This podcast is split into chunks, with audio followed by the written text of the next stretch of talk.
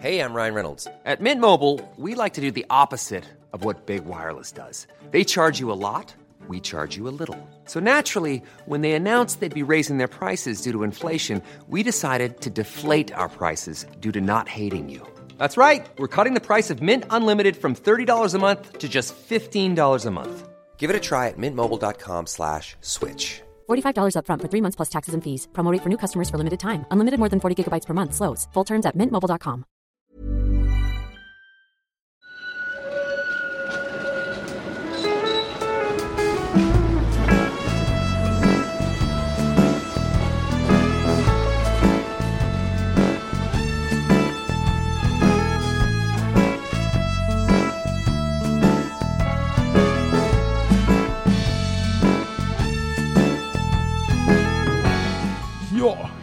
och välkomna till Gator och torg i Göteborg med mig Daniel Karlenfors och Mattias Axelsson. Hej Du- Daniel. Du brukar ju också få presentera lite alla dina Titlar. självtagna titlar. Göteborgskännare. Ja, gymnasielärare det är ju de facto. Det, men, det, eh, det är inte en självtagen titel, nej. den är på riktigt. men Göteborgskännare och någon typ av historisk expert. Det är Ja, sånt som jag eh, väljer att kalla mig själv för att ha någon väljer- typ av trovärdighet. Och jag väljer att kalla dig för allmän expert Mm. också.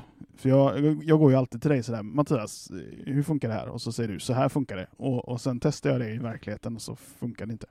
Nej, nu var jag lite elak. Men, men ja, det är du. Och idag så är vi på en eh, ny plats, eller så här, vi är på en plats som jag är väldigt ofta på numera utav personliga skäl. Men som när vi åkte hit så sa du, det var jättelänge sedan jag var här. Så Ja, är det är ju ett av de här stadsdelstorgen som man kanske inte besöker så ofta om man inte har ett ärende hit, till exempel om man bor här eller ska på någon typ av möte eller liknande. Vi är på Kortedala torg, nämligen, i stadsdelen Kortedala. Idag är det ju lite speciellt eh, och vi är jävligt glada över att det här avsnittet om Kortedala torg då produceras i samarbete med Göteborgslokaler. Vardagsnära torg i hela Göteborg som deras fantastiska slogan är. Mm.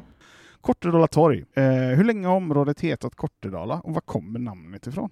Ja, man kan hitta belägg för olika varianter av Kortedala. Knotedala är en form som jag har hittat från typ 1700-talet. Men vi vet ju att det har funnits människor här betydligt längre tillbaka i tiden och då kan vi faktiskt gå tillbaka till stenålderstid för det finns fornlämningar av stenrösen och domaringar och liknande och vi vet att det har funnits fiskerika sjöar och skogar med gott om vilt för att jaga. Men vi kan ju som vanligt spola förbi den delen av historien ganska fort och komma fram till 1800-talet. För 1827 så är det tidigaste belägget i stadens handlingar där området benämns som den korta dalen. Och namnet det kommer troligen av ett torp som hette just den korta dalen till skillnad från Djupedalen som låg ännu längre söderut. Och det här torpet ska då ha legat strax söder om korsningen Minutgatan, Runstavsgatan om vi tänker oss gatorna så som de finns idag. Men eh, kan du säga någonting om hur det såg ut här då? Ja, om vi tittar på Kortedala så som det var fram till någonstans mitten på 1900-talet så var det ett område bebyggt av enstaka torp. Och det finns faktiskt lite olika berättelser om vem som var den första i modern tid att bosätta sig i området Kortedala. Det är två namn man brukar nämna, Lars Larsson och eh, arbetaren Måns Bengtsson. Och det var faktiskt en ganska livlig debatt på GPs insändarsidor, jag tror det var på 70-talet, som man tjafsade en hel del om vem som var först. Och det kan vara hur det vill med den saken, men vi vet att det har i modern tid bott människor från säg slutet på 17 eller början på 1800-talet. Men väldigt specifika personer, hur kommer det sig? Ja, det är för att vi har namn från handlingar och vilka som har ägt torp och liknande. Och om vi tittar då från den här perioden, säg skiftet 1700-1800-tal, så börjar det här växa fram små backstugor. Och det är då små enkla stugor som människor bygger på någon annans mark. Och då är vi någon, runt omkring här i nuvarande Kortedala. Och från mitten av 1800-talet så delar man upp marken bland bönderna och de här backstugorna gjordes om till lite mer rejäla torp. Och tittar man på äldre kartor så kan man se att det finns en ovanligt stor koncentration av den här typen av torp just här omkring i Kortedala. Mm. Men eh, vi får nästan hoppa lite fram till där eh, efter andra världskriget, för då börjar det hända saker här som jag förstår det. Ja, för om vi tittar på någonstans det moderna Kortedala, så som vi tänker oss Kortedala idag, så är det ju definitivt en produkt av perioden efter andra världskriget. För efter andra världskriget så börjar ju Göteborg växa så det knakar. Och vi har ju pratat om det här i tidigare avsnitt av podden, att Sverige stod utanför andra världskriget. Och när freden kommer så vill Europas länder ha det som Sverige exporterar och våra fabriker står ju kvar och är inte sönderbombade till skillnad från tyska fabriker eller franska fabriker eller brittiska fabriker. Så det gör ju att den svenska ekonomin i allmänhet och den göteborgska ekonomin i synnerhet växer och det gör ju att människor lockas hit till Göteborg. Dels från landsbygden runt om i Sverige men också utomlands ifrån som till exempel SKF-arbetare från Italien som kommer i SKF. De ordnar ju rena rekryteringskontor nere i Italien för att de behöver ha arbetskraft och arbetskraften i Sverige räcker inte. Men är det just bara Italien eller gör man det i hela Europa? Man gör det på många ställen i Europa. Vi har ju till exempel Italien och vi har i Finland. Men i, om vi pratar SKF så är det framförallt italienska arbetare som, som kommer hit. Och tittar vi då på hur Göteborg är under perioden direkt efter andra världskriget så har vi en stor bostadsbrist. Det gäller givetvis inte bara Göteborg utan det gäller ju Sverige i stort och kvaliteten på bostäderna är låg på mycket av det som finns. Det är alltså gamla arbetarbostäder som vi tänker oss. Så 1946 så fattar den svenska riksdagen ett beslut om en helt ny bostadspolitik. Och där är grundtanken att alla arbetarfamiljer ska ha råd med en tvårumslägenhet av modernt snitt. Och då tänker man sig att det ska inte kosta mer än 20 procent av lönen. Och för Göteborgs del så betyder det att man måste börja bebygga områden utanför stan och utanför de delar av Göteborg som ligger direkt anslutning till city. Man har bebygg, börjat bebygga delar av Frölunda till exempel vid järnbrott. Men det är lite komplicerat att köpa upp jordbruksmarken i Frölunda. Även om Frölunda har blivit en del av Göteborg 1945 så är det fortfarande bönder som äger jorden och det, är inte, det, det blir vissa komplikationer. Så istället så tittar man norrut och tittar på de områden som redan ägs av stan. Alltså är de det här... det som då är skillnaden? Att i Frölunda är det mycket privat mark och det gör det krångligt medan det är här ute i Kortedala så äger man marken redan? Ja, och där kan man börja bebygga det direkt i princip. Och Göteborgs stadsplanechef efter andra världskriget, Tage William Olsson, han beskriver Kortedala 1947 som avlägset och oländigt. Och man hade egentligen aldrig haft med i planeringen att bebygga Kortedala, men nu såg man sig tvungen för att man behövde bygga nya bostäder och man behövde bebygga områden utanför stan. Och direkt egentligen efter andra världskriget så börjar man skissa på en plan för Kortedalaområdet och den läggs fram i början av 1950-talet. Och det man planerar för när man planerar Kortedala det är att det ska bo någonstans runt 21 000 personer vilket då motsvarar hur stort Växjö eller Mölndal var efter andra världskriget. Så det är ju en stad som man planerar för strax utanför Göteborg. Och från början så var det här egentligen tänkt som ett friluftsområde, men blir då istället ett av de första stora exploateringsområdena utanför stadskärnan. Så hur gick eh, då den här planeringen till och kanske framförallt hur byggde man Kortedala? Var det några innovationer? Ja, alltså dels så tänker man ju på nya sätt när man planerar själva stadsdelen. Alltså vi får de här begreppen som trafikdifferentiering, det vill säga att trafiken ska inte gå i bostadsområden när man pratar om matargator, det vill säga gator som bara ska transportera trafik från en punkt till en annan. Det som vi hade hemma hos dig? Ja, Marconigatan är ett exempel på en sån matargata som vi pratade om i tidigare avsnitt.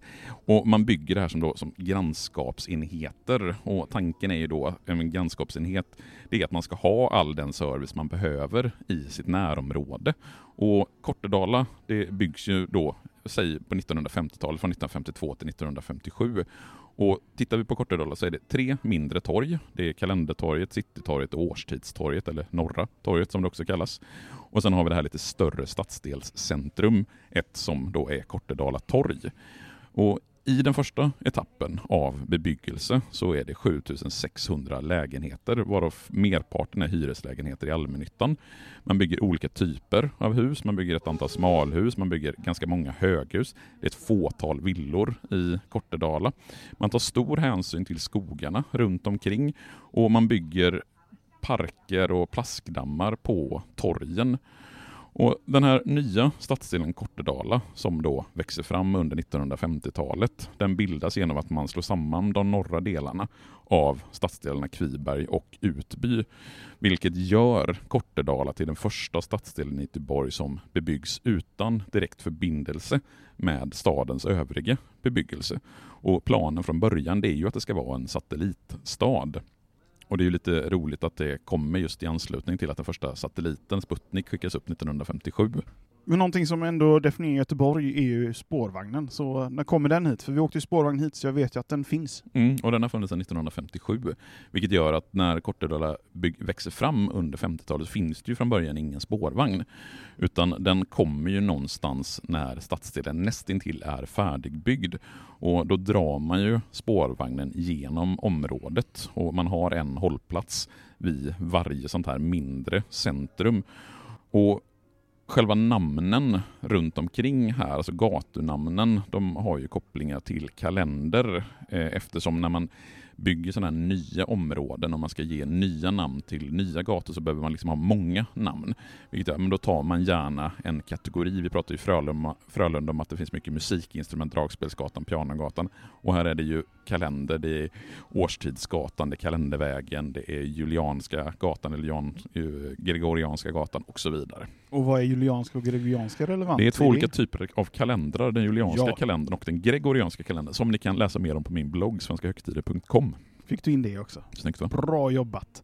Eh, men när byggs då Kortedala torg? Ja, det här torget som vi sitter på och som är själva fokus egentligen för avsnittet, det stora torget i Kortedala.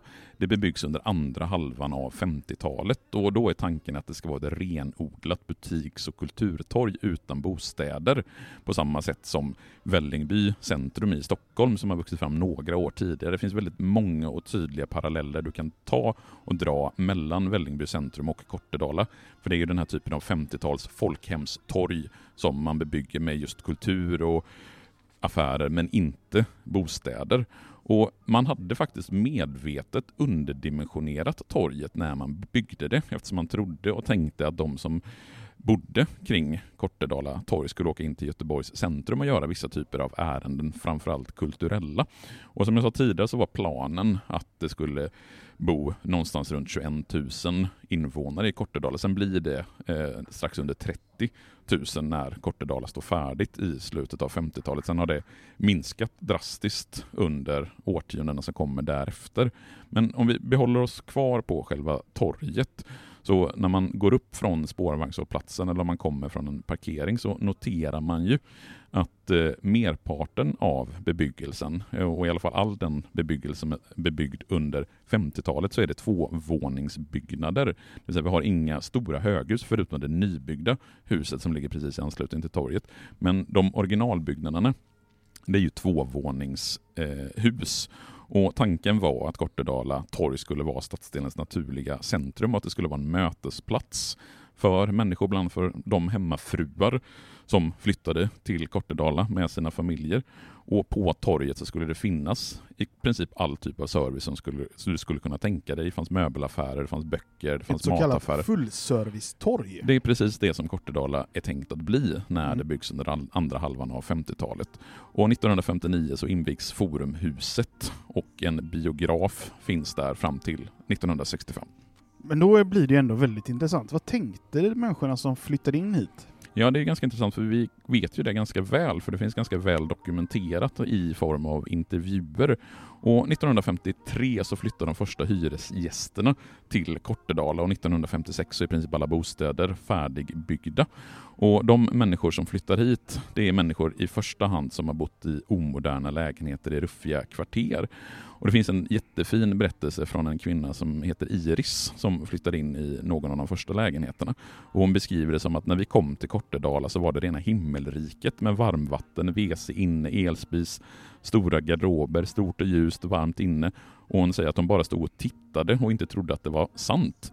Men det man ska komma ihåg att de människorna som flyttar hit till Kortedala i många fall så tänker de att de flyttar från ett dåligt boende till en bra boendemiljö. Och för många som flyttade till Kortedala så var det ett enormt lyft med den standard som kom. Jag tänker också att eh, vi på vår Instagram som vanligt såklart kommer lägga upp eh, bilder på torget och sådär, men det finns ju också ett lägenhetsmuseum som vi kanske ska nämna i ja, detta sammanhanget. Det finns ett fantastiskt fint lägenhetsmuseum som vi länkar till i avsnittsbeskrivningen för mer information och det är ju en sån klassisk folkhemslägenhet från 50-talet i originalutförande med möbler och liknande. Så dit kan man liksom gå och tänka sig att man har stampat jordgolv hemma och så rätt in där så kanske man förstår känslan liksom av att komma till Kortedala. Så från 50-talet och framåt, eh, vad hände egentligen? Ja, alltså det var ju som sagt ett stort lyft för människor och tittar man på siffror så kan man se att trångboddheten sänktes från 45 procent till 21 procent och de som framförallt flyttade till Kortedala det var arbetare och lägre tjänstemän, det var barnfamiljer och mycket hemmafruar. Det var en ganska stark socialdemokratisk majoritet faktiskt om man tittar på valresultat i Kortedala från den här perioden. Men när åren går sen under 60 och 70-talet så är det många som upplever att de här tvårummarna på runt 50 kvadratmeter blir för små när barnen blir större. Och ekonomin blir också bättre hos många av de arbetare som flyttar till Kortedala. Och det gör att det redan på 1960-talet börjar ske en utflyttning. Dels till områden med större lägenheter men framförallt till de nybyggda småhusområdena. Och på 1960-talet så fanns det 8300 lägenheter plus 300 småhus i Kortedala. Och de som istället flyttar in under 1960-talet, det är mycket de här arbetskraftsinvandrarna som kommer med sina familjer till Kortedala. Och det är många av dem som jobbar på SKF, eller jobbade då på SKF och först hade bott i baracker i Gamlestan, men som nu då på 60-talet flyttar till Kortedala. Och en boende i Kortedala från 60-talet berättade att man då under 60-talet så flyttade läkare och arkitekter från trappuppgången i hyreshuset i Kortedala. Och det ena hushållet flyttade till en mellansvensk stad och den andra till en villa i Göteborgsregionen.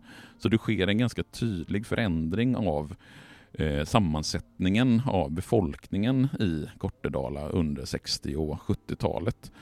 Och för många av dem som bor kvar i Kortedala så blir det här med ett bilinköp och en villa bara en dröm, vilket gör att ganska tidigt så får Kortedala ett rykte om att vara ett område som är lite, idag skulle vi säga socialt utsatt. Det vill säga det är människor med lite lägre inkomster som bor kvar i Kortedala. Men från 70-talet och framåt, hur har torget då utvecklats? Ja, om vi liksom tittar på själva torget så sa jag ju från början att det inte var några bostäder utan att det bara var verksamheter, till exempel affärer och det här forumhuset med biograf och samlingslokaler och liknande.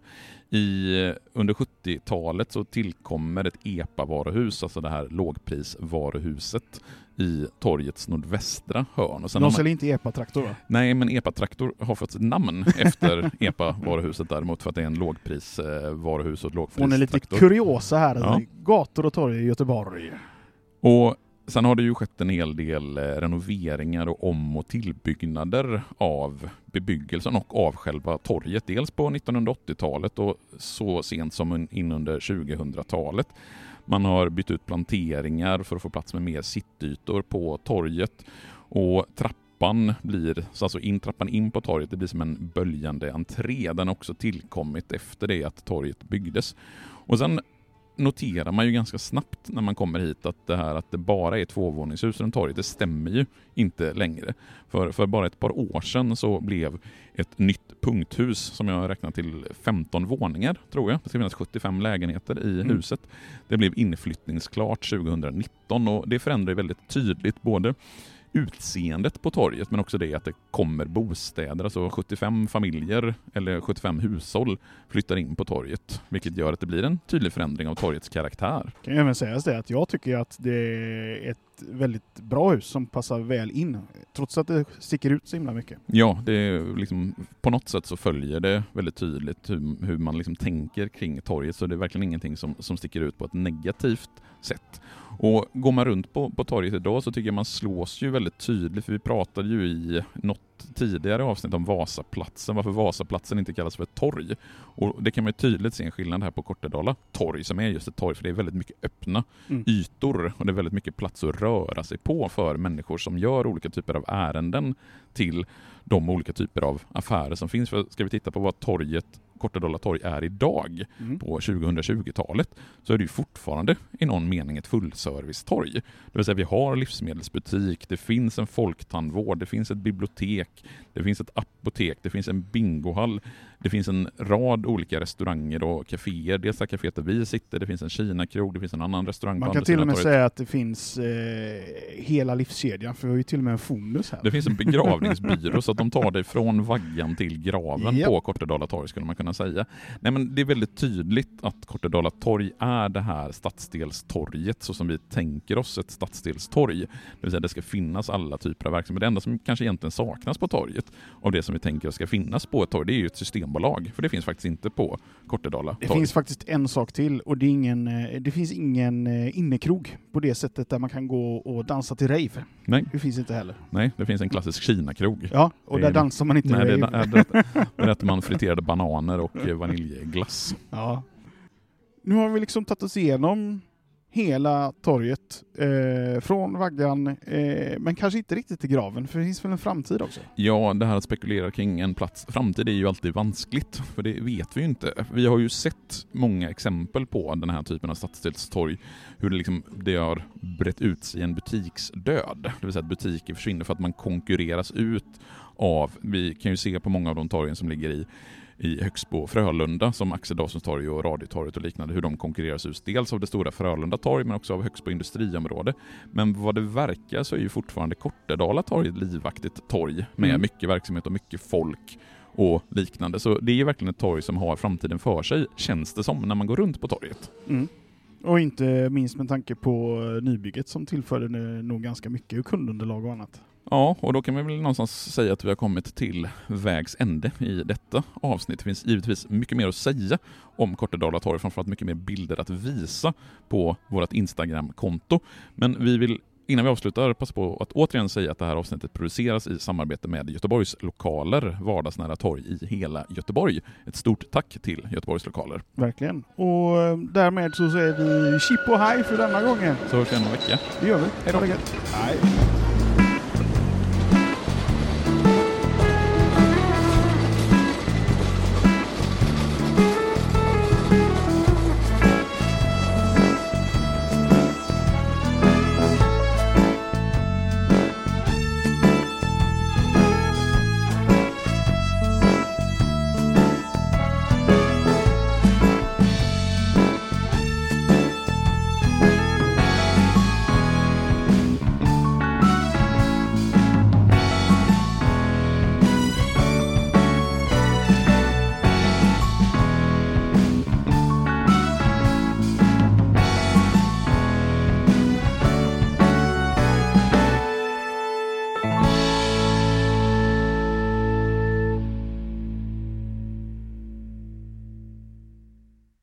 Gator och torg i Göteborg produceras av Reostat Media AB. When you make decisions for your company, you look for the no-brainers. If you have a lot of mailing to do, stamps.com is the ultimate no-brainer. Use the stamps.com mobile app to mail everything you need to keep your business running with up to 89% off USPS and UPS. Make the same no-brainer decision as over 1 million other businesses with stamps.com. Use code PROGRAM for a special offer. That's stamps.com, code PROGRAM.